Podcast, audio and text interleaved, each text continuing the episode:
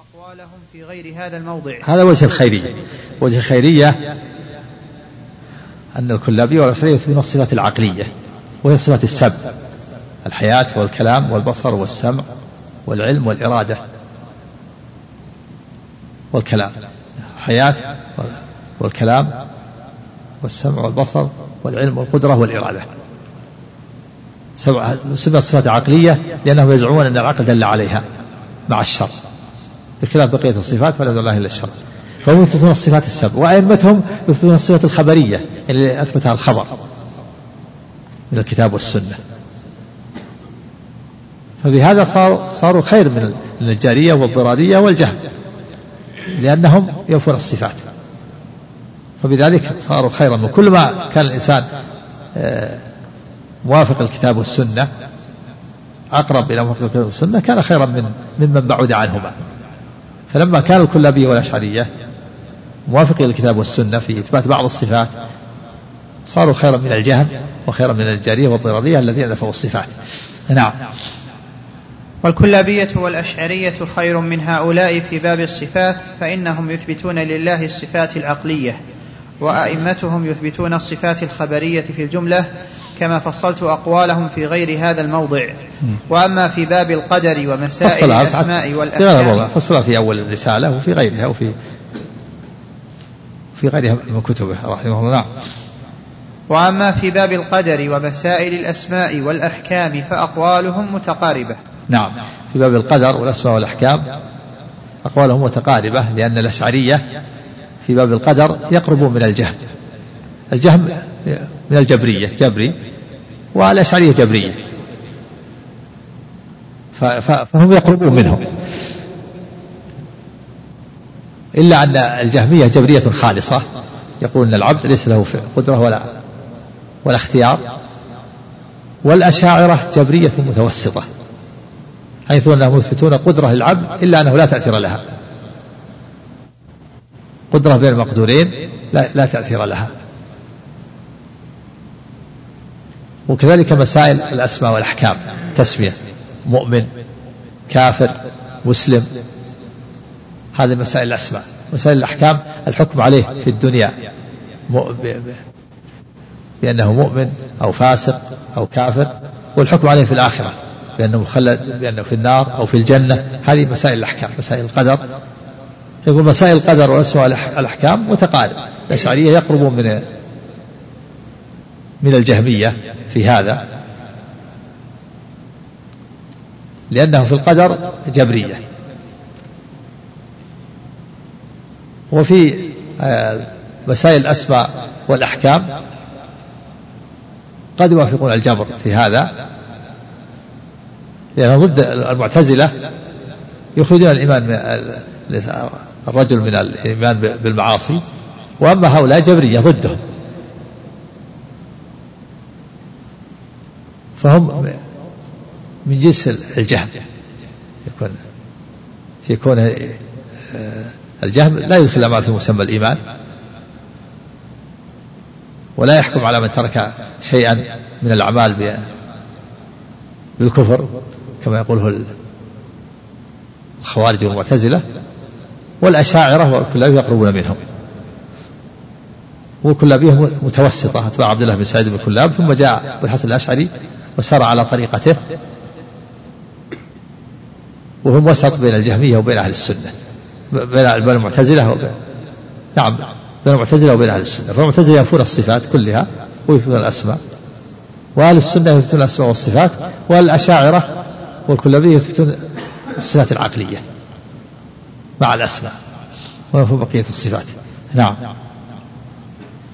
بسم الله عليك والكلابية هم أتباع أبي محمد عبد الله بن سعيد بن كلاب الذي سلك الأشعري خلفه. نعم الأشعري كان معتزليا ثم تحول فأتبع عبد الله بن سعيد بن كلاب تحول من الاعتزال وتبع عبد الله بن سعيد بن كلاب وصار يثبت الصفات العقلية ثم بعد ذلك تحول إلى أهل السنة. جلس في الاعتزال أربعين عاما ثم تحول إلى أهل السنة لكن بقيت عليه أشياء يسيرة بسبب طول مكثه في في على عقيدة المعتزلة ثم ثم الكلابية نعم. وألف كتابه الإبانة من آخر ما كتب وقال إنه على مذهب الإمام أحمد. نعم. وجاء وأعلن للناس أنه لما رجع على في مسجد الجامع وقال إني إني راجع عن عن الاعتزال كما أخ كما أنني ومنخلع كما أخلع ثوبي هذا ثم خلع ثوبا عليه. نعم. وأصحاب ابن كلاب كالحارث المحاسبي. أبو الحسن أبو الحسن الأشعري سلك خطة عبد الله بن سعيد بن كلاب. نعم. نعم. في الاعتزال الظاهر في الاعتزال الظاهر نعم. نعم. وأصحاب ابن كلاب كالحارث المحاسبي وأبي العباس القلانسي ونحوهما. نعم الحارث المحاسبي فيه تصوف من الصوفية وعلى طريقة طريقة ابن كلاب وكذلك القلانسي. نعم كله يتبعون ابن كلاب في إثبات الصفات الخبرية ونفي الصفات الفعلية. الصفات الفعلية الرضا والمحبة والكره والسخط والغضب هذه ينكرونها لأنها يقول لأنها يلزم منها حلول الحوادث في ذات الرب. بخلاف العلم والقدرة والسمع والبصر فهذه صفات عقلية ذاتية يثبتونها. نعم. وأصحاب ابن كلاب كالحارث المحاسبي وأبي العباس القلانسي ونحوهما خير من الأشعرية في هذا وهذا. نعم. فكلما كان الرجل إلى السلف والآئمة خير من الأشعرية في هذا وهذا. يعني في في القدر في مسائل الأسماء والأحكام.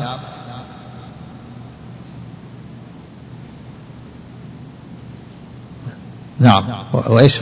أعد الله عنك.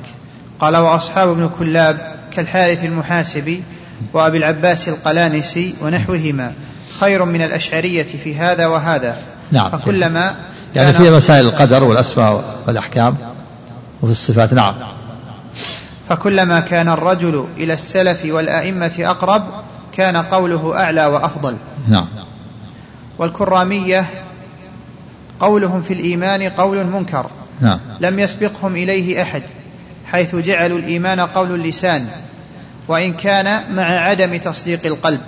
هذا قول كرامية أتباع محمد بن كرام. يثبتون صفة الجملة إلا أنهم يصل القول بالتجسيم والتشبيه فهم من جهة إثبات الصفات خير خير من أهل البدع. لكنهم قولهم في الإيمان قول منكر لم يسبقوا إليه. وهم قولهم يلي قول الجهم. فالجهم يقول الإيمان هو مجرد المعرفة في القلب. إذا عرف ربه بقلبه فهو مؤمن. ولو فعل جميع نواقض الإسلام. ولا يكون كافر إلا إذا جهل ربه بقلبه. والكرامية يقولون الإيمان مجرد قول اللسان إذا نطق بلسانه فهو مؤمن. ولو كان مكذبا بقلبه. لكنه إذا كان مكذبا بقلبه يقول هو مخلد في النار. فإذا نطق بلسانه فهو مؤمن كامل الإيمان. وإذا كان مكذبا بقلبه فهو مخلد في النار. فيلزم على قولهم أن المؤمن كامل الإيمان مخلد في النار. وهذا من أفسد ما قيل بعد مذهب بعد قول الجهم أفسد ما قيل في تعريف الإيمان تعريف الجهم الإيمان هو معرفة الرب ثم يلي في الفساد قول الكرامية أن الإيمان قول باللسان. يقول إذا نطق بلسانه وقال أشهد أن لا إله إلا الله فهو مؤمن كامل الإيمان. وإن كان مكذبا خلد في النار. والله تعالى كفر المنافقين. قال تعالى ومن الناس يقول آمنا بالله وباليوم الآخر وما هم مؤمنين وقال إذا جاءك المنافقون قالوا نشهد إنك لرسول الله. والله يشهد إنك لرسوله والله يعلم وإذا جاءك المنافقون قالوا نشهد إنك لرسول الله. والله يعلم إنك لرسوله والله يشهد إن المنافقين لكاذبون. نعم. والكرامية قولهم في الإيمان قول منكر لم يسبقهم إليه أحد حيث جعلوا الإيمان قول اللسان وإن كان مع عدم تصديق القلب فيجعلون المنافق مؤمنا لكنه يخلد في النار. يخلد في النار. لكنه يخلد في النار. يعني فيجمعون بين الأمرين المتناقضين يقولون إذا قر بلسانه مؤمن كامل الإيمان وإن كان مكذبا فهو مخلد في النار. فجمعوا بين قولين متناقضين مؤمن كامل الإيمان مخلد في النار. كيف يكون هذا؟ لكن هكذا جمعوا تناقض جمعوا بين الأمرين المتنافيين. نعم. فيجعلون المنافق مؤمنا لكنه يخلد في النار فخالفوا الجماعة في الاسم دون الحكم. نعم. خالفوا الجماعة في الاسم يعني في تسميته مؤمن. دون الحكم والحكم عليه بالنار. الحكم وافقوا الجماعة وافقوا أهل السنة والجماعة في أنه مخلد في النار. لكن خالفوا في الاسم تسميته مؤمن. نعم. وأما في الصفات والقدر والوعد والوعيد فهم أشبه من أكثر طوائف الكلام التي في أقوالها مخالفة للسنة. نعم يعني أحسن من غيرهم. الكرامية في الصفات والقدر والوعد والوعيد أحسن من غيرهم يثبتون الصفات. لكن قولهم المنكر في الإيمان. نعم. وأما المعتزلة فهم ينفون الصفات ويقاربون قول جهم. لكنهم ينفون القدر. وأما الصفات. وأما المعتزلة وأما المعتزلة نعم. الله عنك وأما المعتزلة فهم ينفون الصفات إيه. ويقاربون قول جهم يعني يقاربون. يعني يقربون من قول جهم لأن جهم ينفي الأسماء والصفات وهم ينفون الصفات ويثبتون الأسماء ويثبت اسماء بدون معاني لا قيمة لها فهو قريب من قول جهم فمن أثبت الأسماء ونفى الصفات مثل من أثبت نفى الأسماء والصفات ولهذا قال المؤلف يقربون من قول جهم إثبات معاني يقول علم بلا علم سمع بلا سمع بصير بلا بصير إيش معنى هذا؟ لفظ فقط يعني كلا شيء ولهذا قال المؤلف إنهم يقربون من قول الجهم الجهم ينفي الأسماء والصفات والمعتزلة ينفون الصفات ويثبتون الأسماء لكن إثبات الأسماء بدون صفات بدون معاني لا قيمة لها فهم يقربون من قول الجهم ولهذا قال يقربون من قول الجهم حيث أنهم أثبتوا الأسماء معنى في الصفات وإثبات الأسماء بدون معاني لا قيمة لها كلا شيء نعم. وأما المعتزلة فهم ينفون الصفات ويقاربون قول جهم لكنهم ينفون القدر. إيه. فهم وإن عظموا الأمر والنهي والوعد والوعيد وغلوا فيه فهم يكذبون بالقدر ففيهم نوع من الشرك من هذا الباب. نعم. يعني هم الآن يثبتون آه وإن كانوا يثبتون الصفات يعني يثبتون الأسماء ويقرب قول الجهم مع ذلك يكذبون بالقدر. فيقول أن العبد هو الذي يخلق أفعال نفسه ولم يخلق الله أفعال العباد. لكن مع ذلك هم يعظمون الأوامر والنواهي والشرع يعظمون الشريعة. الأوامر والنواهي والوعد والوعيد هم يعظمون الشريعة. لكنهم يكذبون بالقدر فيقولون إن أن العباد خالقون لأفعالهم. وأما الجبرية والصوفية فإنهم بالعكس. يؤمنون بالقدر ويقولون العبد مجبور وأن الله خالق العبد خالق أفعاله لأنهم يقولون بالجبر ولكنهم لا يعظمون الأوامر والنواهي. والمؤلف يقارن بينهما. يقول المعتزلة خير من الجبرية والصوفية.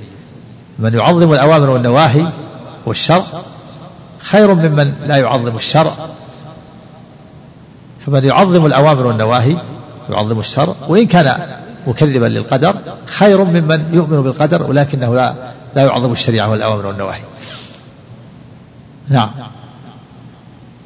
الله والإقرار بالأمر والنهي والوعد والوعيد مع إنكار القدر خير من الإقرار بالقدر مع إنكار الأمر والنهي والوعد والوعيد. نعم.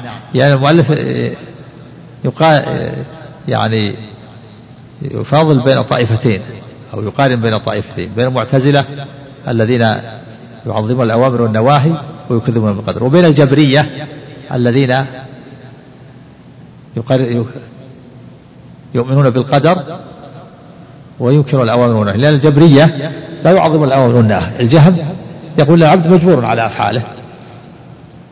فهم يعذرون العاصي فيقول الزاني معذور مجبور. فهم ما عظموا الأمر والنهي ولا عظموا الشريعة. وإن كانوا مؤمنين بالقدر. وأما المعتزلة هم يعظمون الأوامر والنواهي الشريعة والوعد والوعيد وإن وإن كانوا يكذبون بالقدر. فتعظيم الشريعة مع التكذيب بالقدر خير من الإيمان بالقدر مع التكذيب بالشريعة. وبهذا يتبين أن مذهب المعتزلة خير من مذهب الجبرية. والجهمية جبرية نعم. الله عليك قال ولهذا لم يكن في زمن الصحابة والتابعين من ينفي الأمر والنهي والوعد والوعيد وكان قد نبغ فيهم القدرية كما نبغ فيهم الخوارج الحرورية. وإنما يظهر من وإنما يظهر من البدع اولا ما كان أخف وكلما ضعف من يقوم بنور النبوة قويت البدعة. نعم. يقول من أجل كون بدعة المعتزلة أخف من بدعة الجبرية. ما بدعة الجبرية ما نبغت في أواخر عهد الصحابة. ما وجد في عهد الصحابة من ينكر الأمر والنهي والوعد والوعيد. لكن وجد فيهم من ينكر القدر. وهو معبد الجهني. أول من قال بإنكار القدر في الكوفة. فجاء يحيى بن يعمر إلى عبد الله بن عمر وسأله وقال له يا أبا عبد الرحمن إنه ظهر قبلنا أناس يتقفرون العلم يعني العلم. ويزعمون أن الأمر أنف يعني مستنف وجديد لم يسبق به قدر. قال أخبر أني منهم بريء وأنهم براء مني. فنبغ القدرية في عصر الصحابة. نبغوا لكنهم يعظمون الأوامر والنواهي والشريعة. كما نبغ الخوارج الحرورية. ثم الحرورية لأنهم تجمعوا في بلدة حروراء قريبة من الكوفة ونسبوا إليها.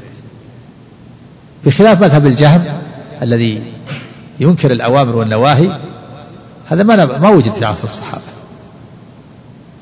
وجدت بدعة القدرية ولم توجد بدعة الجبرية. وإنما والبدع إنما تظهر يظهر البدعة الخفيفة. تظهر أول تظهر البدعة الخفيفة ثم تظهر بعدها البدعة القوية.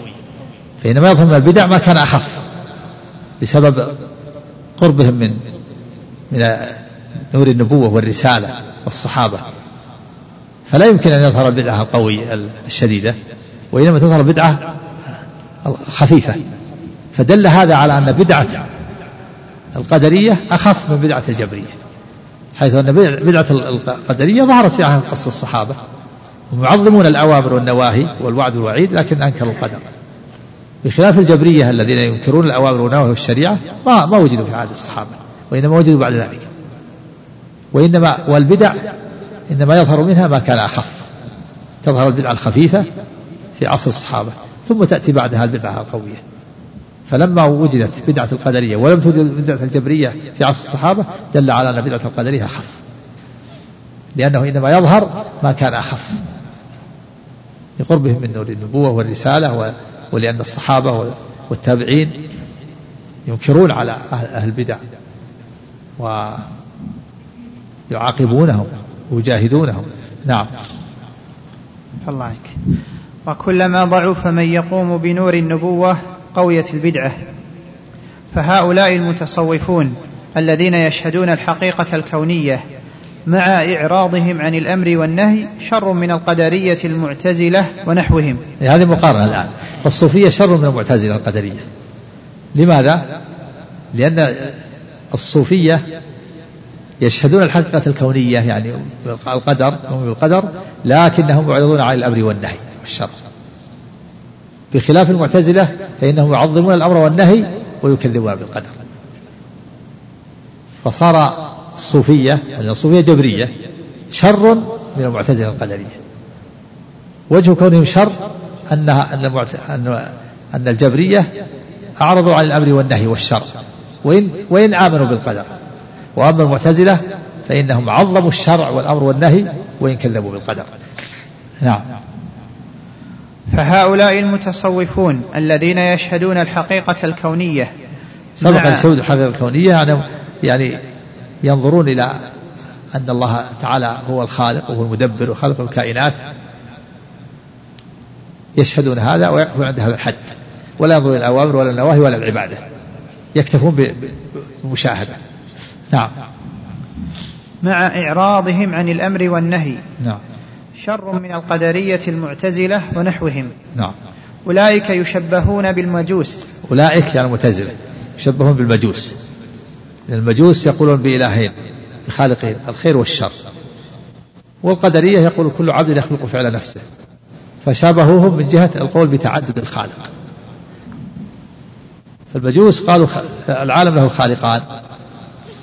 والقدرية قالوا كل واحد يخلق فعل نفسه فشبهوه من جهة القول بتعدد الخالق. وإن كان قولهم هذا في في شيء جزئي في خاص في شيء خاص وهو أفعال العباد خاصة.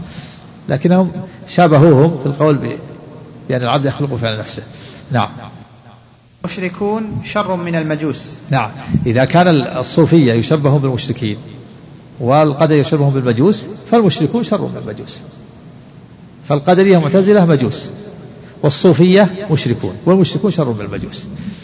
المشركون لا يعظمون الشريعة لا يعملون بالشريعة يعملون والنواهي وأما المجوس فهم يعني أشبه المجوس في في شيء جزئي في جانب وهو قول بخلق أفعال العباد لكنهم يعظمون الشريعة والأوامر والنواهي.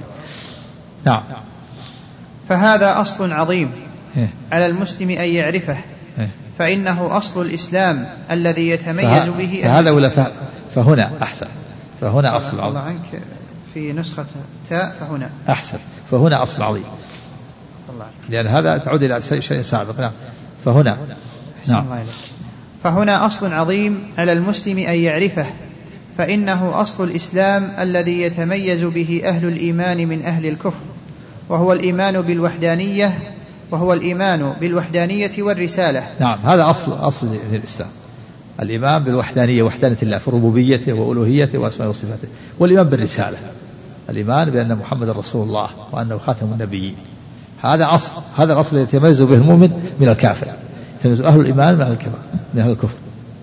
من أقر بهذين الأصلين فهو مؤمن. ومن أنكرهما أو واحدا منهما فهو كافر. الإيمان بالوحدانية والإيمان بالرسالة. الإيمان بوحدانية الله والإيمان برسالة نبينا محمد صلى الله عليه وسلم. هذا هو الأصل الذي يتميز به المؤمن والكافر. من آمن بهما حق الإيمان فهو مؤمن. ومن كفر بهما أو أنكرهما أو واحدا منهما أو فعل ما يناقضهما أو يناقض واحدا منهما فهو كافر. نعم فهنا.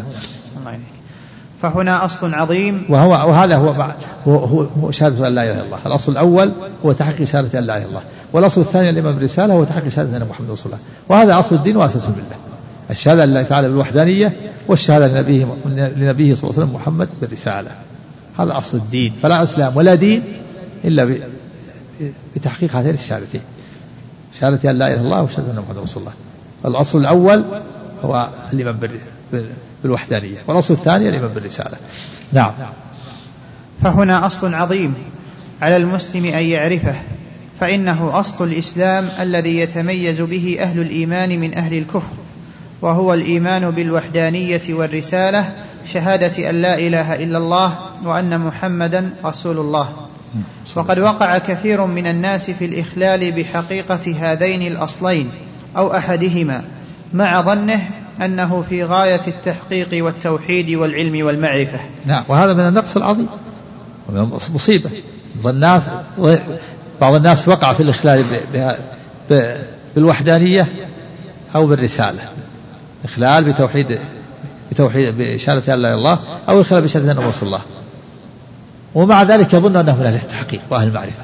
وهو قد أخل بهذين الأصلين أو بأحدهم. هذا من النقص العظيم والخلل العظيم والخسارة العظيمة. نعم. وقد وقع كثير من الناس في الإخلال بحقيقة هذين الأصلين أو أحدهما مع ظنه أنه في غاية التحقيق والتوحيد والعلم والمعرفة.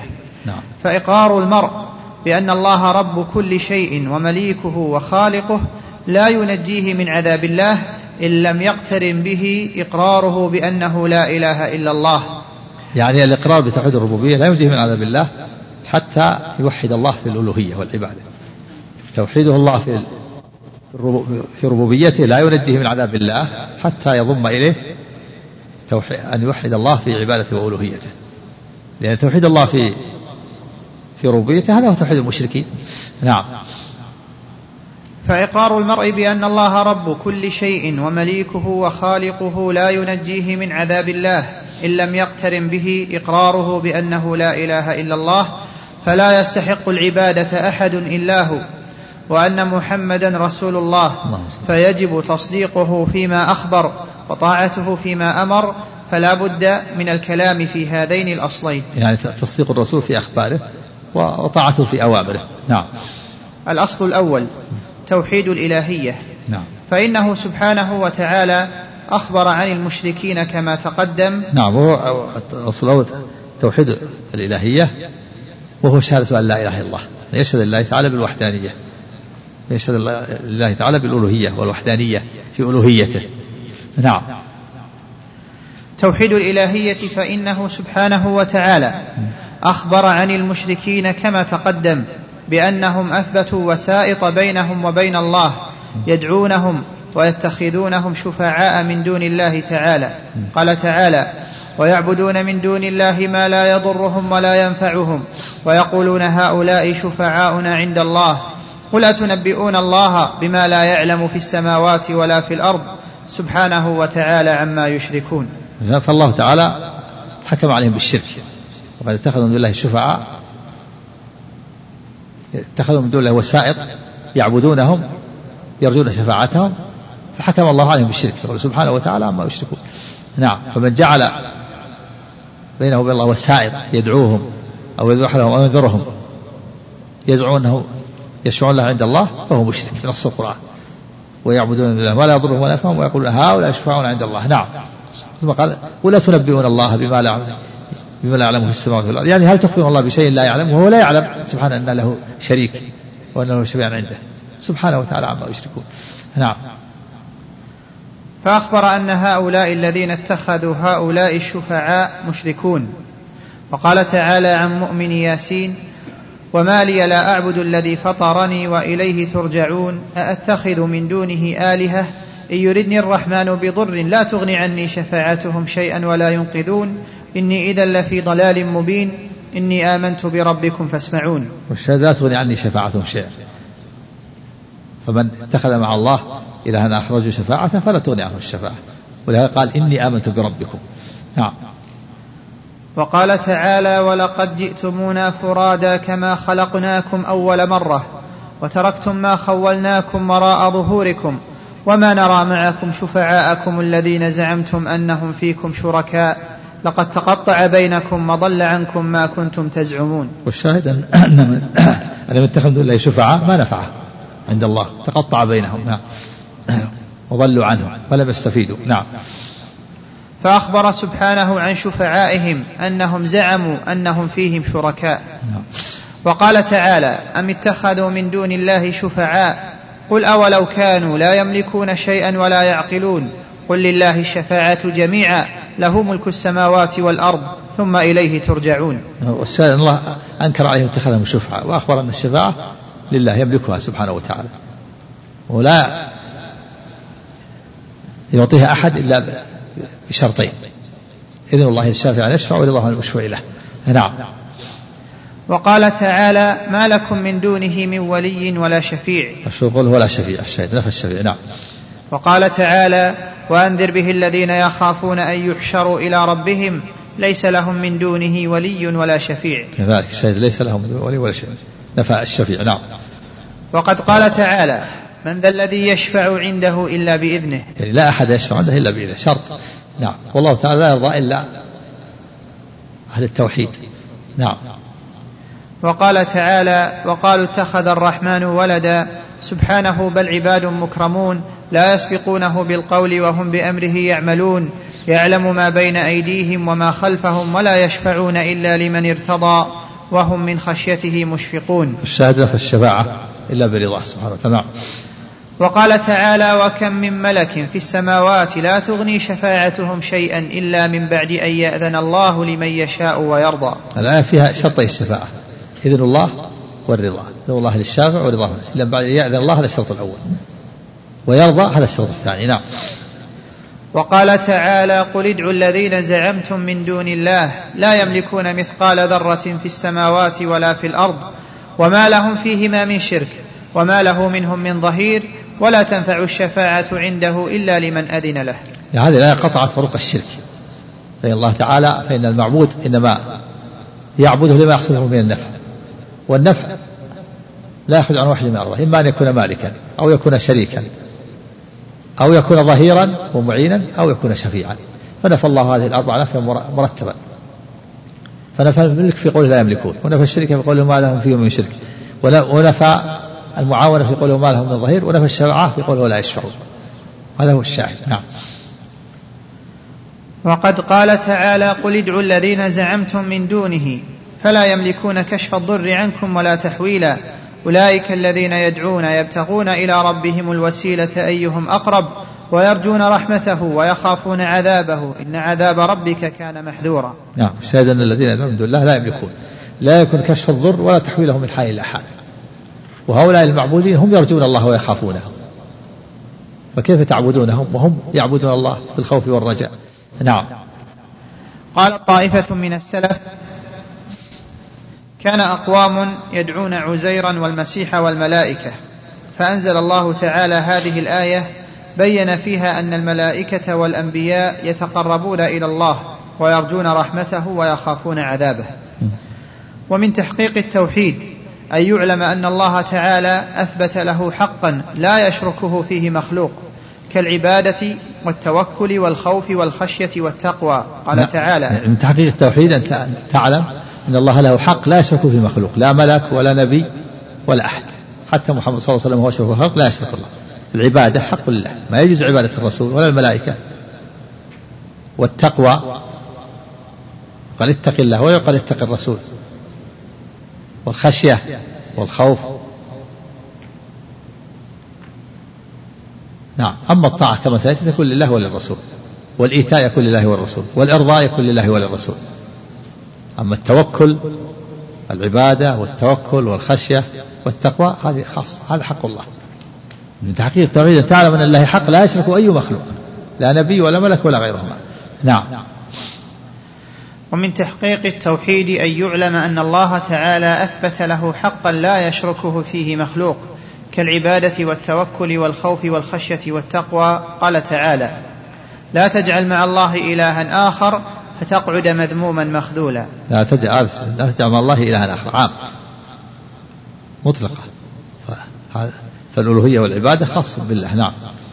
وقال تعالى إنا أنزلنا إليك الكتاب بالحق فاعبد الله مخلصا له الدين ألا لله الدين الخالص. نعم فاعبد الله مخلصا تعبد من إخلاص العبادة لله. فلا يجوز صرف العبادة للرسول ولا لغيره. ولذا قال مخلصا له الدين مخلصا له الدين الدين العبادة ألا لله الدين الخالص. ليس فيه شرك. ألا لله الدين الخالص ألا لله العبادة الخالصة لله العبادة الخالصة. فمن عبد الرسول أو عبد الملك فهو مشرك. نعم. وقال تعالى قل إني أمرت أن أعبد الله مخلصا له الدين. الشاهد مخلصا له الدين.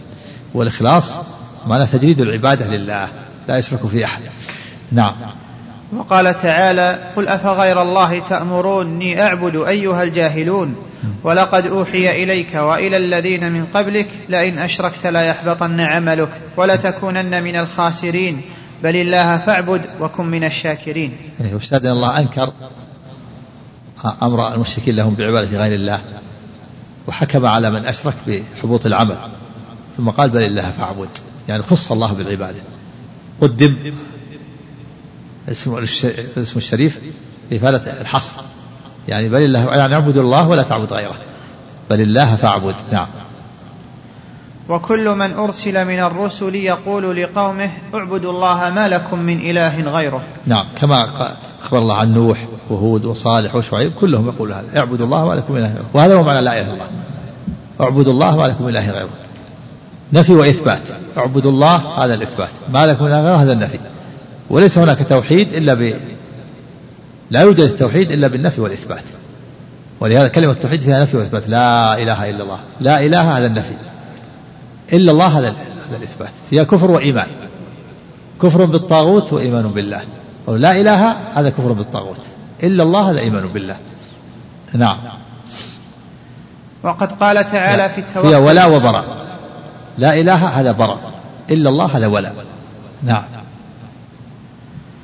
وقد قال تعالى في التوكل وعلى الله فتوكلوا إن كنتم مؤمنين. نعم. يعني وعلى الله. وعلى الله قدم. الجر المجرور لفادة الحصر. توكلوا على الله لا, لا على غيره. نعم. وعلى الله فليتوكل المتوكلون. كذلك. التوكل هو الاعتماد على الله وتفويض الأمر إليه. بعد فعل الأسباب المشروعة. نعم. وقال تعالى قل حسبي الله عليه يتوكل المتوكلون. الحسب هو الكافي يعني كافي. فالحسب والكفاية خاص بالله. توكل. حسبي الله يعني كفين الله نعم. ولا يقال حسبي الله والمؤمنون لا. الحسب خاص بالله. نعم كفاية خاص بالله. مثل مثل الحسب والعبادة والطاعة والخشية والتقوى خاص بالله. نعم. وقال تعالى ولو أنهم رضوا ما آتاهم الله ورسوله وقالوا حسبنا الله سيؤتينا الله من فضله ورسوله إنا إلى الله راغبون. فقال في الإيتاء ما آتاهم الله ورسوله. لأنه مشترك الإيتاء يكون لله وللرسول. والارضاء يكون لله وللرسول والطاعة تكون لله وللرسول أما الحسب والكفاية خاص بالله الحسب والعبادة والخشية والتقوى خاص بالله نعم. فقال في الإيتاء ما آتاهم الله ورسوله وقال في التوكل وقالوا حسبنا الله ولم يقل ورسوله لأن الإيتاء هو الإعطاء الشرعي وذلك يتضمن الإباحة والإحلال الذي بلغه الرسول. نعم والرسول مبلغ عن الله وكما قال النبي إنما أنا قاسم والله معطي. ويقسم بين الناس وفق ما شرع الله. ويعطيهم وفق ما شرع الله. ويحل ويبلغهم ما أحله الله وما حرمه الله. نعم. وذلك يتضمن الإباحة والإحلال الذي بلغه الرسول فإن الحلال ما حلله والحرام ما حرمه والدين ما شرعه. نعم. قال تعالى وما آتاكم الرسول فخذوه وما نهاكم عنه فانتهوا. نعم. وأما الحسب فهو الكافي والله وحده كاف عبده كما قال تعالى الذين قال لهم الناس إن الناس قد جمعوا لكم فاخشوهم فزادهم إيمانا وقالوا حسبنا الله ونعم الوكيل. والشاهد حسبنا الله ونعم الوكيل. جعل جعل الحسب الكفاية لله وحده. نعم. فهو وحده حسبهم كلهم. نعم. وقال تعالى يا أيها النبي حسبك الله ومن اتبعك من المؤمنين. أي حسبك وحسب من اتبعك من المؤمنين. هو الله فهو كافيكم كلكم. وليس المراد أن الله والمؤمنين حسبك كما يظنه بعض الغالطين. إذ هو وحده كاف نبيه وهو حسبه. ليس معه من يكون هو وإياه حسبا للرسول. وهذا في اللغة كقول الشاعر. هذا يعني يقول حسبك الله ومن اتبعك المؤمنين يعني يكفيك الله ويكفي أتباعك. حسبك الله ومن اتبعك من المؤمنين. حسبك الله ومن اتبعك من المؤمنين. فقل ومن اتبعك من المؤمنين معطوف على الكاف في حسبك. يعني حسبك ومن اتبعك من المؤمنين الله. الله يكفيك ويكفي أتباعك من المؤمنين. وليس المراد عطف ومن اتبعك على لفظ الجلالة. كما يظن بعض الغالطين. بعض الغالطين يظن أن حسبك الله ومن اتبعك من المؤمنين حسبك يا محمد. فيجعل المؤمنين معطوف على لفظ الجلالة. ويجعله داخل في الكفاية. لا. الله لا يشارك أحد في الكفاية والحسب. خاص به الحسب. والمعنى الله حسبك يا محمد وحسب أتباعك من المؤمنين. وليس المراد حسبك الله وليس المراد الله والمؤمنون حسبك يا محمد كما يظن بعض الغالطين. بعض الغالطين يظن أن قوله من اتبعك معطوف على لفظ الجلالة فتصير الكفاية والحسب لله وللمؤمنين. هذا غلط. الحسب والكفاية لله خط فالله هو الذي يكفي عبده نبيه ويكفي المؤمنين. حسبك وحسب أتباعك الله. نعم. عفى الله عنك وليس المراد أن الله والمؤمنين حسبك كما يظنه بعض الغالطين إذ نعم. هو وحده كاف نبيه وهو حسبه نعم. ليس معه من يكون هو وإياه حسبا للرسول وهذا في اللغة كقول الشاعر فحسبك والضحاك سيف مهند وتقول العرب حسبك والضحاك سيف مهند حسبك والضحاك إيش؟ فحسبك والضحاك سيف مهند إيه؟ وتقول العرب حسبك وزيدا درهم. نعم. أي يكفيك وزيدا جميعا درهم. نعم. يكفيك وزيدا درهم. يعني أنت وزيد يكفيكم الدرهم. وهنا حسبك والضحاك يعني أنت والضحاك يكفيكم سيف مهند. مثل حسبك الله ومن اتبعك المؤمنين يعني حسبك ومن اتبعك المؤمنين يكفيكم الله. يكفيك أنت يا محمد. أنت والمؤمنون يكفيكم الله. مثل حسبك والضحاك سيف مهند يعني أنت أنت والضحاك يكفيكم سيف واحد حسبك والضحاك حسبك وزيد الدرهم. يعني أنت وزيد يكفيكم درهم. يعني أنت يا محمد والمؤمنون يكفيكم الله. هذا هو المعنى. وليس المراد أن عطف المؤمنين على لفظ الجلالة ويكون المؤمن يشاركون الله في الكفاية؟ لا. نعم. وقال في الخوف والخشية والتقوى. ومن يطع الله ورسوله ويخشى الله ويتقه فأولئك هم الفائزون. نعم فجعل الطاعة لله وللرسول وجعل التقوى خاصة به سبحانه. نعم. فأثبت الطاعة لله وللرسول وأثبت الخشية والتقوى لله وحده. نعم. كما قال نوح عليه السلام إني لكم نذير مبين أن اعبدوا الله واتقوه وأطيعون. فجعل العبادة العبادة لله والتقوى لله والطاعة جعل له. لنوح. نعم. فجعل العبادة والتقوى لله وحده وجعل الطاعة للرسول فإنه من يطع الرسول فقد أطاع الله. نعم. الطاعة لأن الرسول لا يأمر إلا بطاعة الله. من أطاع الرسول فقد أطاع الله ومن أطاع الله فقد أطاع الرسول. نعم. وقال تعالى فلا تخشوا الناس واخشوني ولا تشتروا بآياتي ثمنا قليلا. والشاهد أن الله أمر بخشية وحده. نعم. وقال تعالى فلا تخافوهم وخافوني إن كنتم مؤمنين. كذلك جعل الخوف له وحده. نعم. وقال الخليل عليه السلام وكيف أخاف ما أشركتم ولا تخافون أنكم أشركتم بالله ما لم ينزل به عليكم سلطانا فأي الفريقين أحق بالأمن إن كنتم تعلمون؟ نعم فجعل جعلهم مشركين. خيف أنهم أشركوا بالله في الخوف. خافوا غير الله. نعم.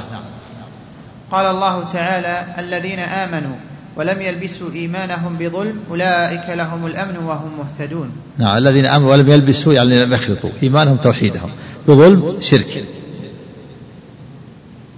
فمن لم يخلط توحيده بالشرك فله الأمن والهداية. له الأمن في الآخرة من العذاب من عذاب النار وله الهداية في الدنيا. هذا إذا لم يلبس توحيده بشرك ولا بمعاصي ولا بكبائر. فإن سلم من الشرك ولكنه خلط بكبائر فيكون الأمن ناقص والهداية ناقصة. له الأمن من الخلود في النار ولكن قد يدخل النار. وله الهداية لكن هداية ناقصة. نعم. كما دلت على ذلك النصوص. نعم. وفي الصحيحين عن ابن مسعود رضي الله عنه أنه قال لما نزلت هذه الآية شق ذلك على أصحاب رسول الله صلى الله عليه وسلم وقالوا اللهم أينا لم يظلم نفسه؟ فقال النبي صلى الله عليه وسلم إنما هو الشرك. ألم تسمعوا إلى قول العبد الصالح إن الشرك لظلم عظيم؟ وقال تعالى وإياي فارهبون وإياي فاتقون. يعني هذه الآية فسرها النبي صلى الله عليه وسلم. هذه من الآيات التي فسرها النبي صلى الله عليه وسلم. لما نزلت هذه الآية الذين آمنوا ولم يلبسوا بظلم خاف الصحابة منها وجثوا على الركب وقال الرسول أينا لم يظلم نفسه؟ ظنوا أن المراد بالظلم المعصية. قال أينا؟ في أحد يسلم من المعصية؟ ما في أحد يسلم. والله تعالى أخبر أن الذي لم يخلط إيمانه بظلم له الأمن وله الهداية. قال إذا ما حد يسلم من الظلم والمعاصي. فالنبي صلى الله عليه وسلم قال لا ليس الذي تعنون المراد بالظلم الشرك. ألم تسمعوا إلى قول العبد الصالح عن لقمان؟ إن الشرك لظلم عظيم فسمى الشرك ظلمان. فالمراد بالظلم في الآية الشرك وليس المراد المعاصي المعاصي قد قد تخلط. لكن من خلط بالكبائر ولم يتب فهذا أمنه ناقص وهدايته ناقصة.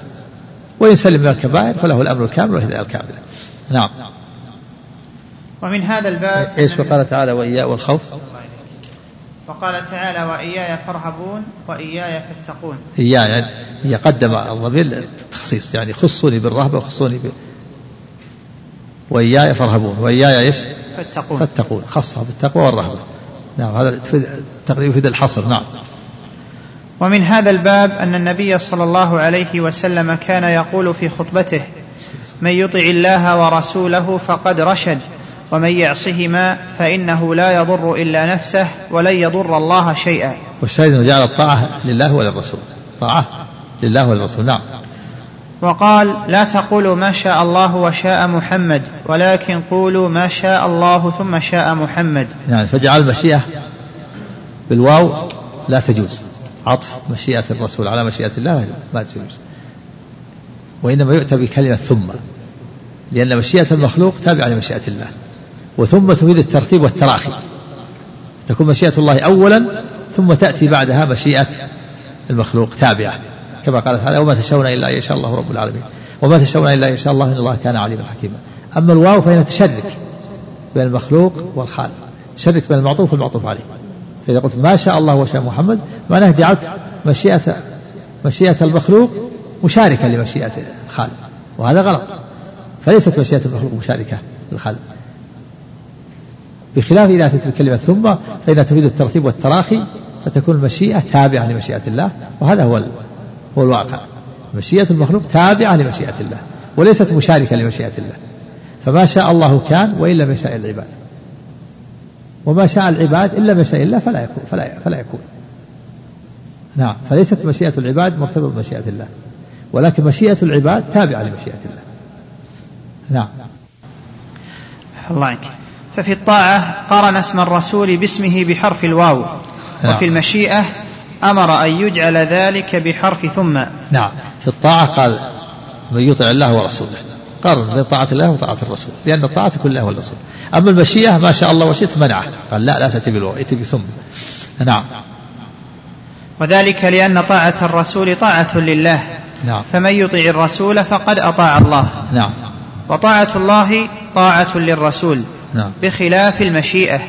فليست مشيئة أحد من العباد مشيئة لله ولا مشيئة الله مستلزمة لمشيئة العباد نعم. بل ما شاء الله كان وإن لم يشاء الناس نعم. وما شاء الناس لم يكن إلا أن يشاء الله. نعم. الأصل الثاني حق الرسول صلى الله عليه وسلم. هذا الإيمان بالرسالة هذا الأصل الثاني. شهادة أن محمد رسول الله. الأصل الأول حق الله. وهو الإيمان بال... الإيمان بالوحدانية بوحدانيته وألوهيته وهو شهادة أن لا إله إلا الله. والأصل الثاني حق الرسول وهو الإيمان بالرسالة وهو شهادة أن محمد رسول الله. حق الرسول عليه الصلاة والسلام الإيمان به وطاعته ومحبته وتصديق أخباره وامتثال أوامره واجتناب نواهيه وإرضاؤه عليه الصلاة والسلام والتسليم لحكمه حكم الله وحكم رسوله. نعم. الأصل الثاني حق الرسول صلى الله عليه وسلم. حق الرسول أن تشهد له بالرسالة وأن تحبه وأن تطيعه وأن تصدق أخباره وأن تجتنب نواهيه. هذا حق الرسول. نعم. عليه الصلاة والسلام. نعم. الأصل الثاني حق الرسول صلى الله عليه وسلم فعلينا أن نؤمن به ونطيعه ونتبعه ونرضيه ونحبه ونسلم لحكمه وأمثال ذلك. كل هذه من حقوقه الإيمان به واتباعه ومحبته والتسليم لحكمه والتحاكم إليه عليه الصلاة والسلام وطاعته. نعم. قال تعالى من يطع الرسول فقد أطاع الله. نعم. فأثبت الطاعة للرسول. وأن طاعة الرسول من طاعة الله. نعم. وقال تعالى والله ورسوله أحق أن يرضوه إن كانوا مؤمنين. فأثبت للرسول حق الإرضاء. كما هذا من الحقوق المشتركة فالطاعة تكون لله وللرسول. والإرضاء يكون لله وللرسول. هذه مشتركة بين بين الله وبين رسوله. تطيع الله وتطيع الرسول. ترضي الله وترضي الرسول. نعم. وقال تعالى قل إن كان آباؤكم وأبناؤكم وإخوانكم وأزواجكم وعشيرتكم وأموال اقترفتموها وتجارة تخشون كسادها ومساكن ترضونها أحب إليكم من الله ورسوله وجهاد في سبيله فتربصوا حتى يأتي الله بأمره. والله لا يهدي القوم الفاسقين.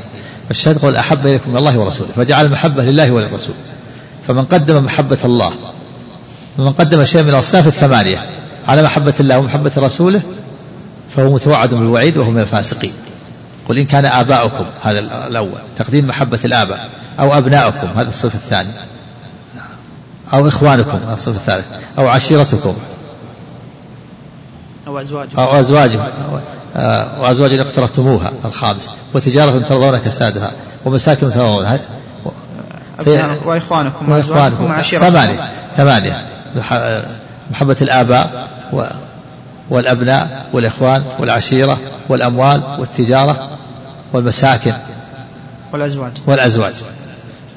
هذه ثمانية. من قدم شيء من الصفة على محبة الله ومحبة رسوله فإنه متوعد بالوعيد وهم الفاسقين. ولهذا قال أحب إليكم الله ورسوله وجهاد في سبيله فتربصوا حتى يأتي الله بأمره هذا وعيد شديد. والله لا يهدي القوم الفاسقين. قدم محبة الآباء أو الأبناء أو الإخوان أو الأزواج أو العشيرة أو الأموال أو التجارة أو المساكن على محبة الله ومحبة رسوله ومحبة الجهاد وقدمها على على محبة الله ومحبة رسوله والجهاد في سبيله فهو فاسق متوعد بهذا الوعيد. والشاهد أن جعل المحبة لله وللرسول الحقوق المشتركة. نعم.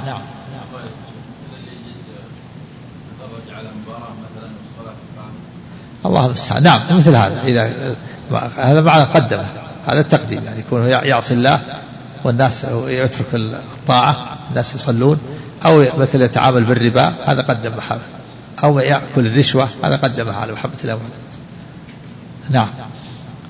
وقال تعالى فلا وربك لا يؤمنون حتى يحكموك فيما شجر بينهم ثم لا يجدوا في أنفسهم حرجا مما قضيت ويسلموا تسليما. سيجعل الحكم للرسول. ونفى الإيمان عما لم يحكم الرسول في موارد النزاع حتى يحكموا فيما شجر بينهم يعني فيما حصل بينهم من اختلاف. فالواجب تحكيم الرسول في موارد النزاع. نفى الله الإيمان عما لم يحكم الرسول في موارد النزاع. ثم لا يجد في أنفسهم حرجا مما قضيت لا بد أيضا أن يحكم الرسول صلى الله عليه وسلم ولا يقع في نفسه حرج ولا بد أن يسلم. ثم أكد بالرسول قال تسليما اطمئنان كامل أربعة أمور حتى يحكموك. ثم لا يجد في نفسهم حرجا مما قضيت ويسلموا تسليما. تحكيم. ثانيا لا يكون في نفسه حرج. مطمئن يكون راضي عنده رضا. ثالثا يسلم. لحكم الله ورسوله. عنده تسليم وانقياد رابعا عنده طمأنينة كاملة تسليم. نعم. والشاهد أنه جعل الحكم للرسول. هذه من الحقوق المشتركة. تحكيم الرسول تحكيم كتاب الله وتحكيم سنة رسول الله. نعم. هذه من الحقوق المشتركة. نعم. وقال تعالى قل إن كنتم تحبون الله فاتبعوني يحببكم الله ويغفر لكم ذنوبكم. هذا الاتباع هذا من حقوق الرسول الاتباع. وهذه الآية تسمى آية المحنة. ادعى قوم محبة الله فامتحنهم الله بهذه الآية. في علامة على المحبة. من أحب الله من اتبع الرسول فهو صادق في محبة الله. ومن لم يتبع الرسول فهو كاذب. هذه هذه العلامة. شخص يقول أنا أنا أحب الله. يقول في علامة. نزلت هذه آية المحنة. تمتحن بهذه الآية. إن كنت متبع للرسول فأنت صادق وإن كنت لا تخالف الرسول ما تكاذب هذه هذه علامة. آية المحنة اختبر الله بها من ادعى محبة الله. قال هذا هذا اختبار له سمى آية المحنة. من اتبع الرسول عليه الصلاة والسلام فهو صادق في محبة الله. ومن خالف الرسول فهو كاذب في محبة الله. نعم. وأمثال ذلك. نعم.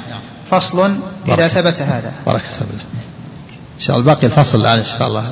الأسبوع القادم نكمله يكون لك درس إن شاء الله يوم الاثنين والأربعاء قبل صحيح مسلم. درس ما هو طويل والخميس إن شاء الله. حتى نكمل الرسالة إن شاء الله. يكون الاثنين. الأحد ما في. الاثنين قبل صحيح مسلم. نقرأ قليل. ثم الأربعاء. ثم الخميس. يكون إن شاء الله الفصل هذا الباقي. صلى الله وسلم وبارك على نبينا محمد وعلى آله وصحبه وأتباعه بإحسان إلى يوم الدين أما بعد. اللهم صل وسلم. فقال شيخ الإسلام ابن تيمية رحمه الله تعالى فصل إذا ثبت هذا فمن المعلوم أنه يجب الإيمان بخلق الله وأمره بقضائه وشرعه. وأهل الضلال الخائضون في القدر انقسموا إلى ثلاث فرق مجوسية ومشركية وإبليسية. بسم الله الرحمن الرحيم. الحمد لله رب العالمين. صلى الله وسلم وبارك على عبد الله ورسوله محمد وعلى آله وصحبه أجمعين. أما بعد فهذا الفصل هو الفصل الأخير من هذه الرسالة العظيمة وهي رسالة التدمرية للإمام الشيخ شيخ الإسلام أحمد بن تيمية رحمه الله تعالى. وغفر له. وإذا ثبت هذا يعني أن أصل الدين وأساس الملة وزبده التوحيد هو شهاده أن لا إله إلا الله وشهاده أن محمدا رسول الله فلا بد من الإضافة إلى ذلك من, من الإيمان بخلق الله وأمره. والإيمان بخلق الله هو الإيمان بالقدر هو الإيمان بالأمر هو الإيمان بالشر. يعني فلا بد من إذا عرفت أن أصل الدين وأساس الملة الشهادة لله تعالى بالوحدانية والشهادة لنبيه محمد صلى الله عليه وسلم بالرسالة فلا بد من تضم إلى ذلك الإيمان بخلق الله وأمره. الإيمان بالخلق بخلق الله وأن الله تعالى خالق كل شيء. ويسبق الإيمان بالخلق الإيمان بالمشيئة والإيمان بالكتابة والإيمان بالعلم. وهي مراتب القدر الأربع. الإيمان بأن الله علم الأشياء قبل كونها. الإيمان بعلم الله الأزلي وأن الله يعلم ما كان في الماضي ويعلم ما يكون في الحاضر ويعلم ما يكون في المستقبل ويعلم ما لم يكن لو كان كيف يكون. سبحانه والإيمان بأن الله كتب كل شيء في اللوح المحفوظ. والإيمان بأن كل شيء في هذا الوجود فإن الله سبقت به مشيئته. والإيمان بأن الله خالق كل شيء. كما قال الله تعالى ألم تعلم أن الله يعلم ما في السماء والأرض؟ إن ذلك في كتاب إن ذلك على الله يسير. قال سبحانه ما أصاب مصيبة في الأرض ولا في أنفسكم إلا في كتاب. قال سبحانه وكل شيء أحصيناه في إمام مبين. وقال سبحانه وما تشاءون إلا أن يشاء الله. وقال تعالى من يشاء هو يضلله ومن يشاء يجعله على صراط مستقيم. قال سبحانه ولكن الله يفعل ما يريد. قال في المرتبة الرابعة الله خالق كل شيء. قال سبحانه وخلق كل شيء فقدره تقديرا. فلا بد من الإيمان بقدر الله إيمانا خاليا من الزلل. ولا بد من الإيمان بأمر الله. المتضمن بيان ما يحبه الله ويرضاه. من الأفعال والأقوال. هو الإيمان بالشرع. الإيمان بأمر الله. المتضمن بيان ما يحبه ويرضاه. والأمر نوعان أمر بالفعل وأمر بالكف. فالأمر بالفعل الأوامر. وسواء وهذا الأمر يكون أمر إيجاب وأمر استحباب. أمر إيجاب كأقيم الصلاة وأمر استحباب كالأمر بالسواك. لولا أن أشق على أمتي لأمرتهم بالسواك عند كل صلاة. والأمر بالكف هو النهي. والنهي نهي تحريم كقوله تعالى ولا تقربوا الزنا. ونهي تنزيه كالنهي عن الشرب قائما. فلا بد من الإيمان بعد أن يشهد المسلم الله بالوحدانية والنبي صلى الله عليه وسلم بالرسالة. لا بد من الإيمان بالخلق والأمر والإيمان بالشرع والقدر. كما قال سبحانه ألا له الخلق والأمر. فالخلق هو القدر والأمر هو الشرع. نعم. أحسن الله إليك. قال وأهل الضلال الخائضون في القدر انقسموا إلى ثلاث فرق مجوسية ومشركية وإبليسية. فالمجوسية الذين كذبوا بقدر الله وإن آمنوا بأمره ونهيه فغلاتهم أنكروا العلم والكتاب ومقتصدتهم أنكروا عموم مشيئة الله وخلقه وقدرته وهؤلاء هم المعتزلة ومن وافقهم. والفرقة الثانية المشركية الذين أقروا بالقضاء والقدر وأنكروا الأمر والنهي قال الله تعالى سيقول الذين أشركوا لو شاء الله ما أشركنا ولا آباؤنا ولا حرمنا من شيء. فمن احتج على تعطيل الأمر والنهي بالقدر فهو من هؤلاء. وهذا قد كثر في من يدعي الحقيقة من المتصوفة. والفرقة الثالثة الإبليسية. وهم الذين أقروا بالأمرين لكن جعلوا هذا تناقضا من الرب سبحانه وتعالى وطعنوا في حكمته وعدله كما يذكر مثل ذلك عن إبليس مقدمهم كما نقله أهل المقالات ونقل عن أهل الكتاب. نعم هذه هذه أقسام الخائضين في القدر. هذه طوائفهم ثلاث طوائف المجوسية والمشركية والإبليسية. فالإبليسية فالمجوسية هم الذين آمنوا بالأمر والنهي يعني بالشرع وكذبوا بالقدر وسموا مجوسية لمشابهتهم المجوس الذين يقولون بتعدد الخالق الذين يقولون بأن العالم له خالقان. النور والظلمة. والمجوسية يقولون أن العباد خالقون لأفعالهم فشبههم في القول بتعدد الخالق. كل واحد يخلق فعل نفسه. فلهذا سموا بالمجوسية. وهم طائفتان غلاة ومقتصدة. فالغلاة الذين أنكروا المرتبتين الأوليين من مراتب القدر. أنكروا العلم والكتاب. أنكروا علم الله بالأشياء قبل قبل كونها. علم الله الأزلي وأنكروا كتابة الله لها في اللوح المحفوظ.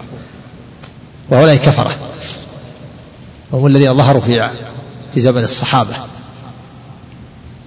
هم الذين سأل يحيى بن يعمر لما قدم من البصرة سأل عبد الله بن عمر قال يا أبا عبد الرحمن إنه ظهر قبلنا أناس يتقفرون العلم يعني طول العلم ويزعمون أن الأمر أنف يعني مستأنف وجديد لم يسبق به علم الله وقدره فقال إذا إذا لقيت هؤلاء فأخبرهم أني منهم بريء وأنهم براء مني.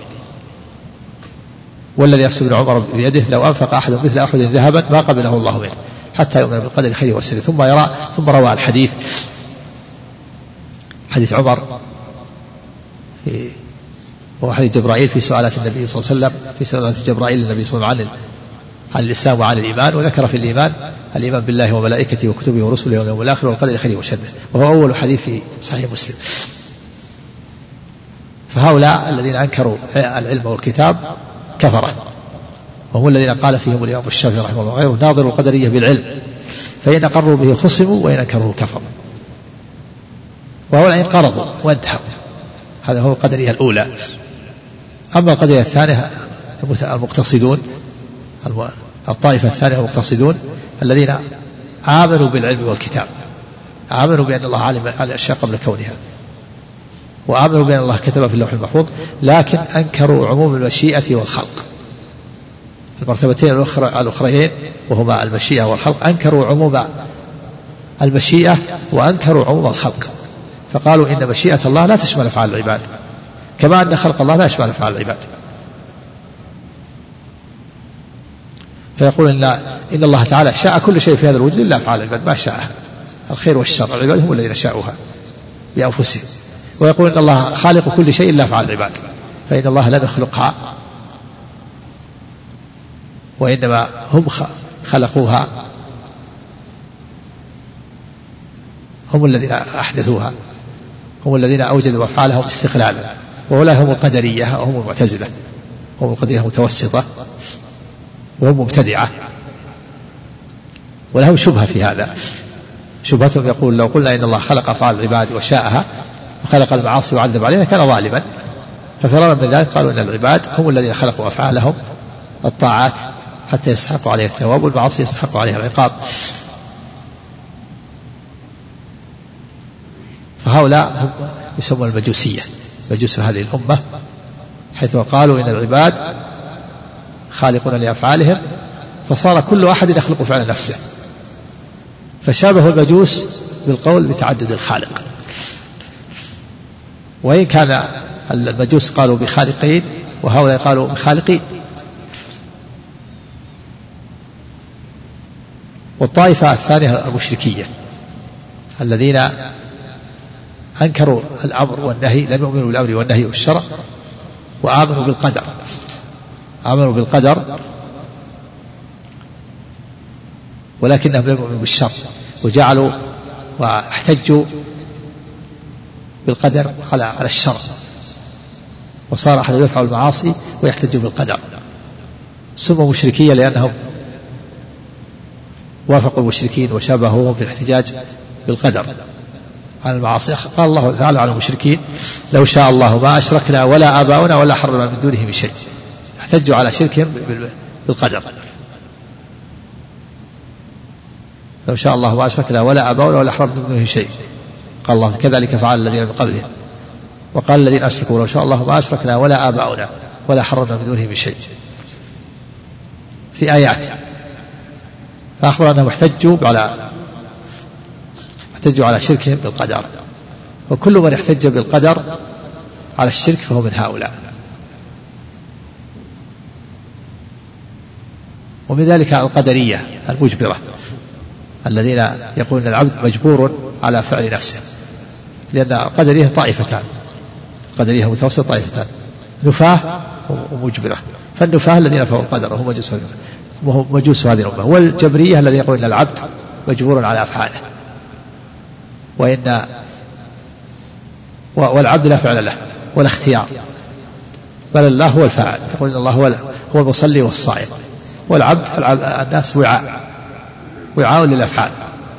تمر بهم الأفعال ولا اختيار لهم بل هم مضطرون. وحركاتهم كحركات المرتعش والنائم وحركات الأشجار. فيحتجون بالقدر على شركهم على على معاصيهم. ويقول إن, إن العبد لا قدرة له ولا اختيار والله والعباد كالكوب اللي يصب فيه الماء. فالعباد كالكوب والله كصبب الماء فيه. فهم لا قدرة لهم ولا اختيار. ويقول قائلهم معتمدا على الله حينما يأمره بالأوامر وهو مجبور وهو لم يقدر عليه أن يفعل ألقاه ألقاه في اليم مكتوفا وقال له إياك إياك أن تبتل بالماء. وهؤلاء هم خصماء الله. ويدخل في ذلك التصوف الكثير من الصوفية كما قال المؤلف رحمه الله فإنهم يحتجون فإنهم جبرية. يحتجون بالقدر على على أفعاله. سيأتي أن المؤلف رحمه الله يقارن بين الطائفتين بين المجوسية وبين المشركية ويقول أن المجوسية خير من المشركية. لأن المعتزلة وإن كذبوا بالقدر وقالوا إن أفعال العباد ليست مخلوقة لله إلا أنهم عظموا الشرائع والأوامر والنواهي وأثبتوا الشر وإن كان حقيقة قولهم أنهم أن الله ليس ربا لأفعال الحيوانات وليس ربا لأفعال العباد لكنهم عظموا الشرع والأمر والنهي. بخلاف المشركية والجبرية فإنهم أبطلوا الشرائع والأوامر والنواهي. وصار الواحد يفعل المعاصي ويفعل الشرك ويعذر نفسه ويرى أنه مجبور وأنه وعلى هذا فتكون الشرائع عبث. والرسل عبث ولا قيمة لها. نعوذ بالله. نعم. والطائفة الثالثة الإبليسية. نسبة إلى إبليس. الذين أثبتوا الشرع والأوامر والنواهي وأثبتوا القدر لكن جعلوا جعلوا هذا تناقض. قالوا الرب متناقض أعوذ بالله.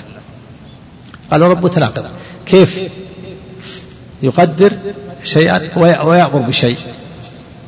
كيف يأمر بشيء ويقدر ضده؟ فهو متناقض يقول إن يؤمنون بالشرع ويؤمنون بالقدر لكن قالوا إن هذا تناقض من الرب وطعنوا في حكمة الرب. نعوذ بالله. وهؤلاء مقدمهم شيخهم إبليس والعياذ بالله الذي اعترض على الله لما أمره الله بالسجود لآدم اعترض. قال لا ما أسجد لآدم. اعترض بالقياس الفاسد. قال كيف أسجد لآدم؟ و...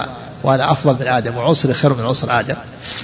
عنصر آدم الطين مخلوق من الطين وأنا عنصري النار والنار أفضل من الطين ولا يمكن أخضع الفضل المفضول قال أنا خير منه خلقتني من نار وخلقته من طين فطرده الله وجعله شيطانا رجيما قوادا لكل شر وكفره باستكباره عن عبادة الله.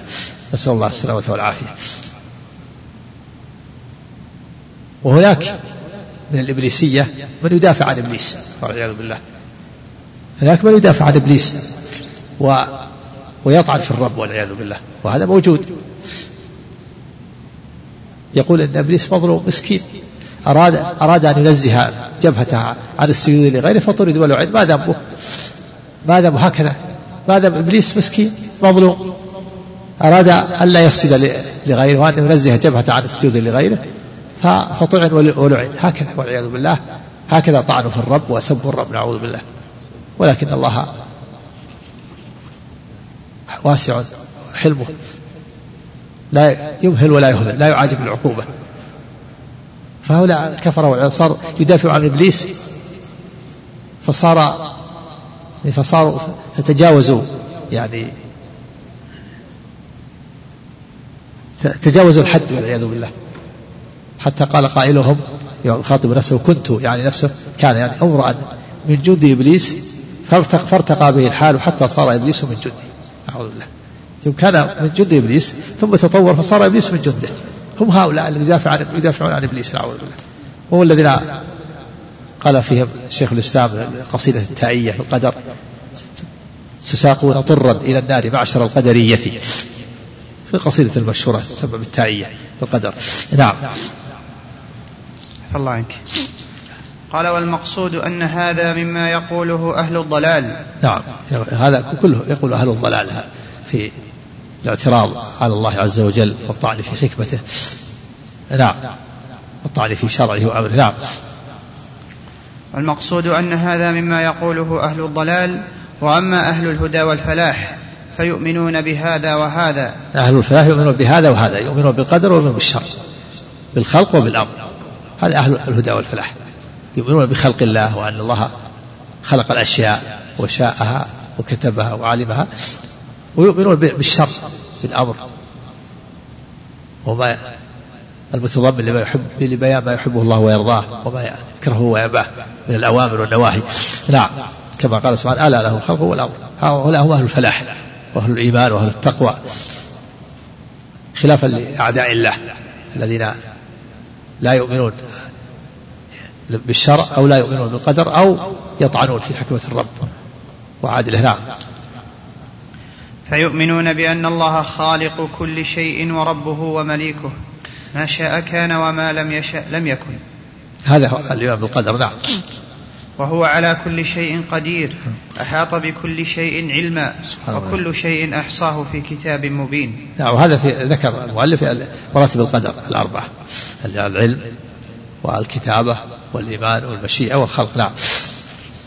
ويتضمن هذا الأصل من إثبات علم الله وقدرته ومشيئته ووحدانيته وربوبيته وأنه خالق كل شيء وربه ومليكه نعم. ما هو من أصول الإيمان. نعم لا شك هذا من أصول الإيمان.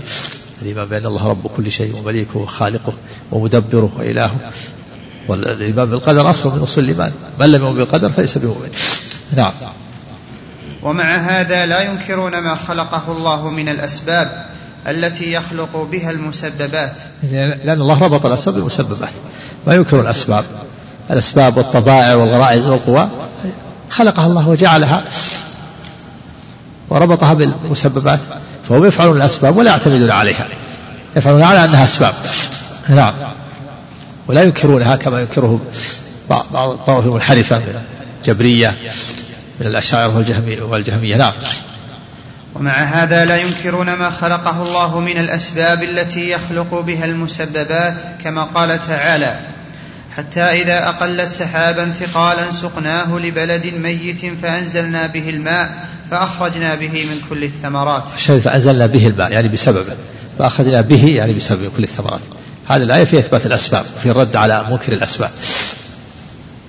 فأنزلنا به الماء فأخرجنا به سببية نعم والقرآن ملآن من هذا من إذكار المسببات أسباب المسببات. نعم. وقال تعالى يهدي به الله من اتبع رضوانه سبل السلام. هذا دليل آخر يهدي به الله يعني بسببه بسببية فأثبت السبب. نعم. وقال تعالى يضل به كثيرا ويهدي به كثيرا. يضل به يعني بسببه ويهدي به كثيرا. فأثبت الأسباب. نعم. الدليل على إثبات الأسباب. نعم. فأخبر أنه يفعل بالأسباب. نعم. يفعل بالأسباب. لا عند الأسباب كما يقوله الجبرية. نعم. ومن قال يفعل عندها لا بها فقد خالف ما جاء به القرآن وأنكر ما خلقه الله من القوى والطبائع. إيه، وهم وهم الأشاعرة. يقولون الله يفعل عند الأسباب لا بالأسباب. فيقولون أن السكين ما تقطع ولكن الله يوجد القطع عند إجراء السكين. السكين ما تقطع. ولهذا يسمونها أمارة. فيقول السكين إجراء السكين أمارة. أمارة على القطع. فرارا من القول بأنها سبب. يسمونها أمارات. ولهذا تجد في كتب أصول الفقه لأنه مبني على مذهب الأشاعرة يسمون الأسباب أمارات. في في مبحث الأسباب والعلل. فرارا من القول بالأسباب يقول هذه أمارة. الشبع ليس سببا في الأكل ليس سببا في الشبع لكنه علامة. علامة إنه إذا وجد الأكل يوجد عنده من باب الاقتران العادي. إن هذا قرن بهذا والا ما هو هذا سبب في هذا. والنار ليس سبب في الإحراق. ما تحرق النار ولا فيها قوة الإحراق. لكن الله يوجد الإحراق عند إشعال النار. فهذا من باب الاقتران العادي. إن قرن هذا قرن إشعال النار بال... بالإحتراق وإلا ليست سببا في الإحراق. كله فرارا من القول بالأسباب. نعم.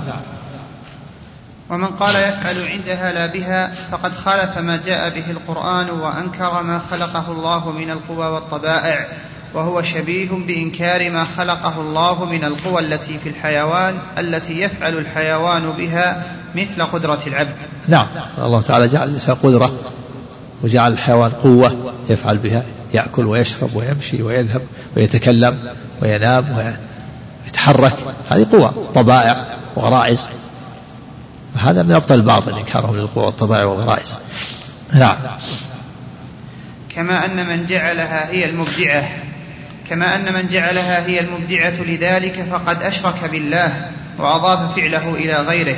وهم الطبائعيون المعتزلة. يقابلون الشاعرة. الشاعرة أنكروا الأسباب وهؤلاء قالوا الأسباب مؤثرة بذاتها. قال هي المبدعة فأشركوا. جعلوا الأسباب هي اللي هي هي تؤثر. فأشركوا مع الله حيث جعلوا الأسباب هي المؤثرة بذاتها كالطبائعيين الذين يقولون إن الولد يوجد بالتفاعل بين المائين وينكرون خلق الله.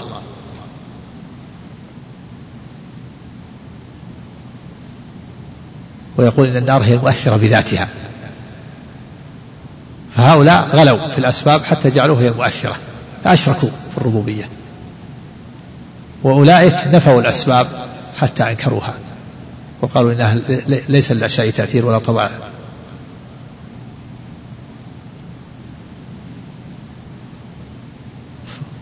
فمن والناس طوائف في هذا. الطائفة الأولى الطبائعيون. والمعتزلة الذين أنكر غلوا في الأسباب وجعلوا فيها مؤثرة. فهؤلاء أشركوا في الربوبية. الذين اعتمدوا على الأسباب وركنوا إليها. والطائفة الثانية الذين نفوا الأسباب وأنكروها وهم الجبرية من الأشاعرة والجهمية فهؤلاء أنكروا الأسباب وهذا طعن في في العقل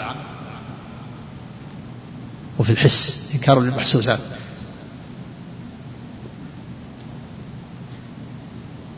والطائفة الثالثة الذين اعترفوا بالأسباب لكنهم لم يفعلوا بها لم يفعلوا الأسباب فهؤلاء عصاة.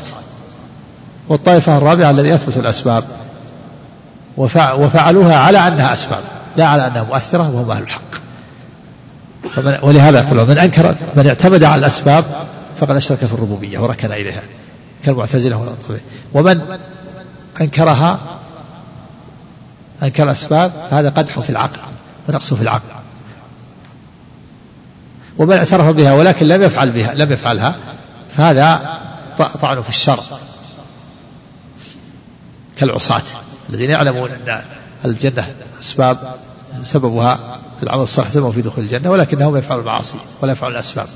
هذا نقص في الدين وفي الشرع وأهل الحق الذين أثبتوا الأسباب ولم يعتمدوا عليها ولم يركنوا إليها ولم ينكروها وباشروها على أنها أسباب لا على أنها مؤثرة على أنها أسباب موصلة إلى المسببات فأولئك هم أهل الحق فمن أنكر الأسباب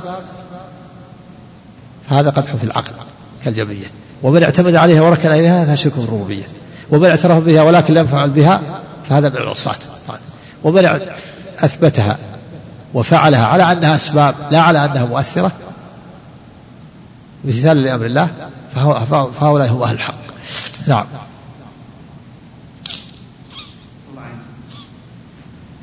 قال كما أن من جعلها هي المبدعة لذلك فقد أشرك بالله وأضاف فعله إلى غيره. وذلك أنه ما من سبب من الأسباب إلا وهو مفتقر إلى سبب آخر في حصول مسببه. في حصول في حصول مسببه. نعم وذلك. وذلك أنه ما من سبب من الأسباب. إلا وهو مفتقر إلى سبب آخر في حصول مسببه. نعم. ولا بد له من مانع يمنع مقتضاه إذا لم يدفعه الله عنه. فليس في الوجود شيء واحد يستقل بفعل شيء إلا الله وحده. إلا الله نعم. فليس. فليس في الوجود شيء واحد يستقل بفعل شيء وبفعل بفعل شيء إلا الله وحده. إلا يعني الله وحده. نعم. قال يعني تعالى نعم لأن آه، يعني ليس هناك شيء في في الوجود يستقل بفعل شيء وحده إلا الله. إذا أراد شيئا فإنه لا يمتنع عليه شيء. قال الله تعالى إنما أمره إذا أراد شيئا يقول له كن فيكون. ما في شيء يستقل بالوجود إلا الله مشيئة الله. إذا أراد الله شيئا أما أما الأشياء فإنه فإنها وجود الأشياء فإنه لا بد لها من كل شيء لا بد له من من أمر آخر يساعد الأسباب. لا بد من أسباب آخر تساعدها. ولا بد من دفع المانع. فإذا وجدت الأسباب المعينة واندفعت الموانع حصل. وإلا فلا يحصل. فالبذر مثلا الحبوب التي تخرج في في البذر لا بد أولا من, من اجتماع أسباب. لابد من البذر ولا بد من سبب آخر. ما يكفي البذر لا بد من آه، سقي الماء.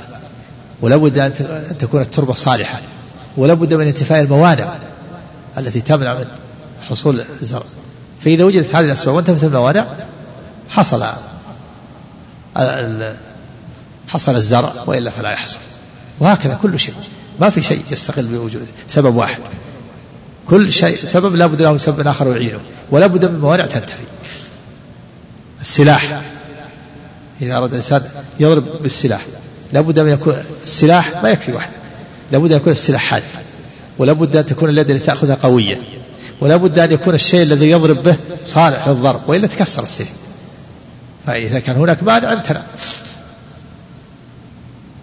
فلا يكفي يكون الإنسان معه آه، آلة يضرب بها ما تأثر الآلة وحدها إلا بشروط. الآلة لا بد لها من يد تكون قوية. والآلة لا بد تكون في نفسها صالحة. والشيء الذي يؤثر فيه لا بد أن يكون صالح عنده قابلية. أما إذا كان حديد تضرب الحديد تكسر. كما سيمثل المؤلف رحمه الله الشمس الآن ما تؤثر إلا بشيء لا بد من يكون المحل قابل لانعكاس الشمس. فإن كان دون حاجز فلا يؤثر. والنار كذلك ما تكون محرقة إلا إذا إذا وجدت الحرارة وجد القبول. فإذا كان هناك مانع يمنع من الإحراق فلا تحرق النار. لابد من انتفاء الموانع. فإذا طلع نفسه بشيء يمنع من الإحراق لا يحترق. وكذلك أيضا إذا كان الشيء الذي أحرق بالنار لا يحترق كما سيمثل المؤلف رحمه الله بعض الطيور التي تعيش في النار وتفرخ ولا يضرها أو بعض الأحجار التي تؤثر فيها النار لأن غير لأنها غير ممتنعة لا بد أن يكون المحل قابل للاحتراق. أما شيء واحد يؤثر ما فيه إلا الله. ولهذا قال سبحانه ومن كل شيء خلقنا زوجين. لعلكم تذكرون. كما سيبين المؤلف رحمه الله. نعم. الله عنكم. قال وذلك أنه ما من سبب من الأسباب إلا وهو مفتقر إلى سبب آخر في حصول مسببه ولا بد له من مانع يمنع مقتضاه إذا لم يدفعه الله عنه. نعم ثلاثة أشياء. السبب لا بد له من سبب يعينه. ولا بد من مانع المانع ينتفي إذا وجد ذلك حصل مسبب إذا قدر الله وإلا فلا يحصل. نعم. فليس في الوجود شيء واحد يستقل بفعل شيء إلا الله وحده. وحده. قال إلا الله وحده نعم هذه ملازمة للنص نعم. قال فليس في الوجود شيء واحد يستقل بفعل شيء إلا الله وحده. قال تعالى ومن كل شيء خلقنا زوجين لعلكم تذكرون. أي فتعلمون أن خالق الأزواج واحد. نعم. ولهذا من قال إن الله كل شيء الآن في زوجين اثنين الآن. كل كل شيء الآن. الطيور والحيوانات. حتى الجبلات وحتى النار إشعال النار لابد من شيئين. شيئين زوجين صنفين.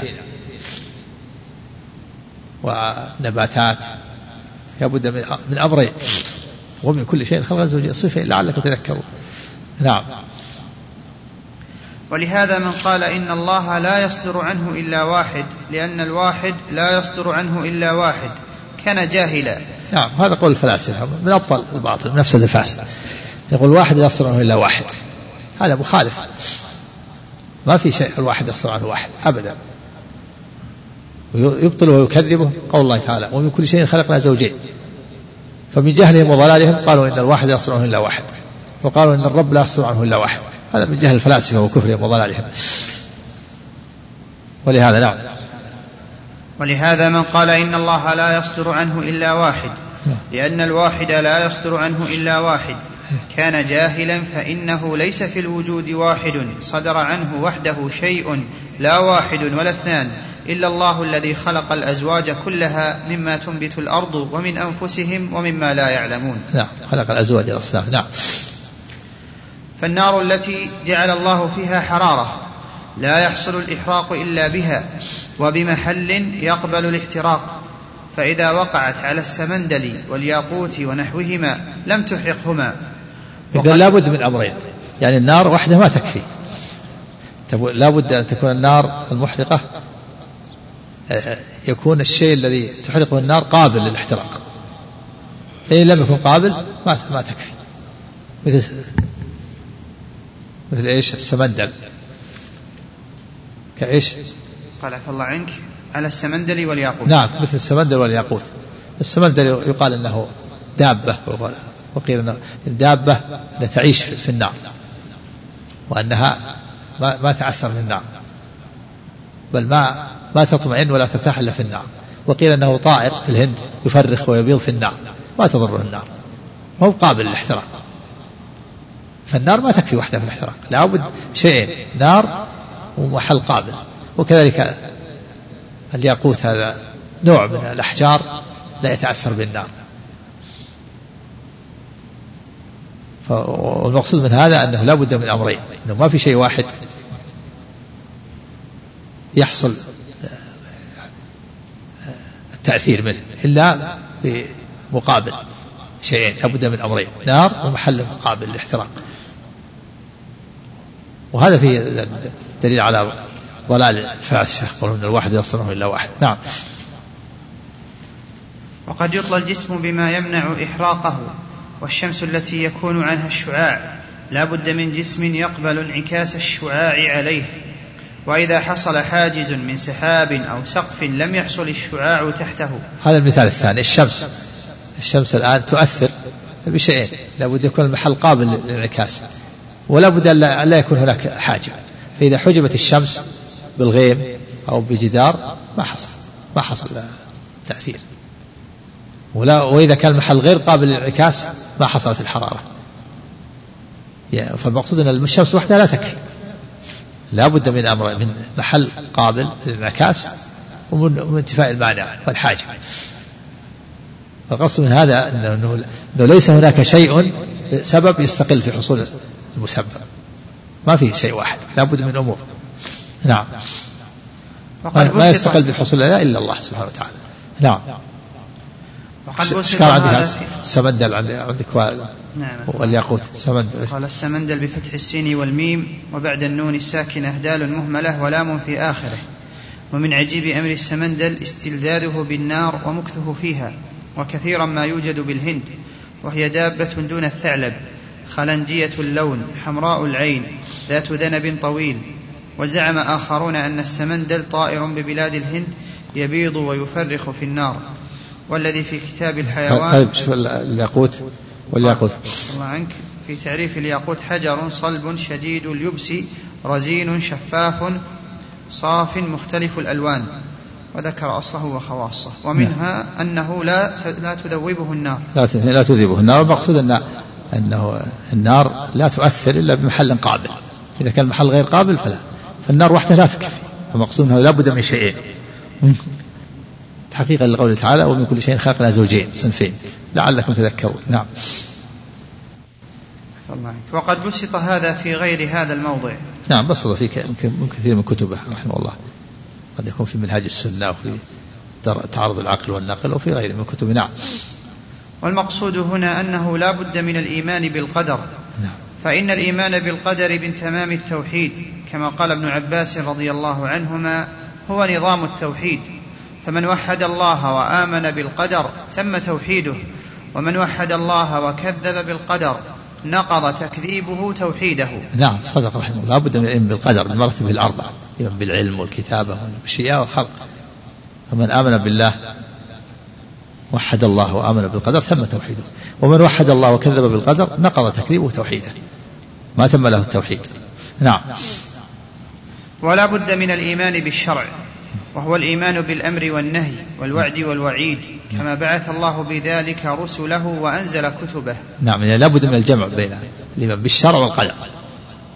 ومن بالقدر مراتب الأربعة ومن بالشرع بالأوامر والنواهي والوعد والوعيد الذي بعث الله به رسله وأنزل به كتبه. نعم.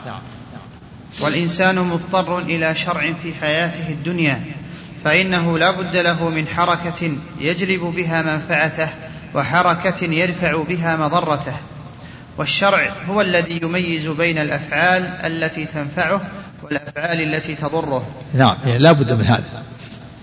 لا بد من شرع يعمل به الإنسان. الإنسان محتاج إلى حركة تنفعه وحركة تضره. وهذه الحركة التي تنفع والحركة التي تضره لا بد أن يعلم حكمها. فالشرع جاء ببيان الحكم. هذه الحركة التي تنفعك حكمها كذا الشرع. واللي تضرك حكمها كذا. جائز مباح حرام مكروه واجب. إذا لا بد الإنسان من شر حتى ولو كان وحده. لا بد من يعلم حكم تصرفاته. ولا يستغني الإنسان عن الشر. ومن حكمة رحمة الله بعباده أن أرسل الرسل مبشرين ومنذرين. وأنزل معهم الكتاب بالحق ليحكم بين الناس فيما اختلفوا فيه. نعم. فلا بد من الإيمان بالشر. ومن لم بالشرع فليس على جادة. نعم. والشرع هو الذي يميز بين الأفعال التي تنفعه والأفعال التي تضره. نعم.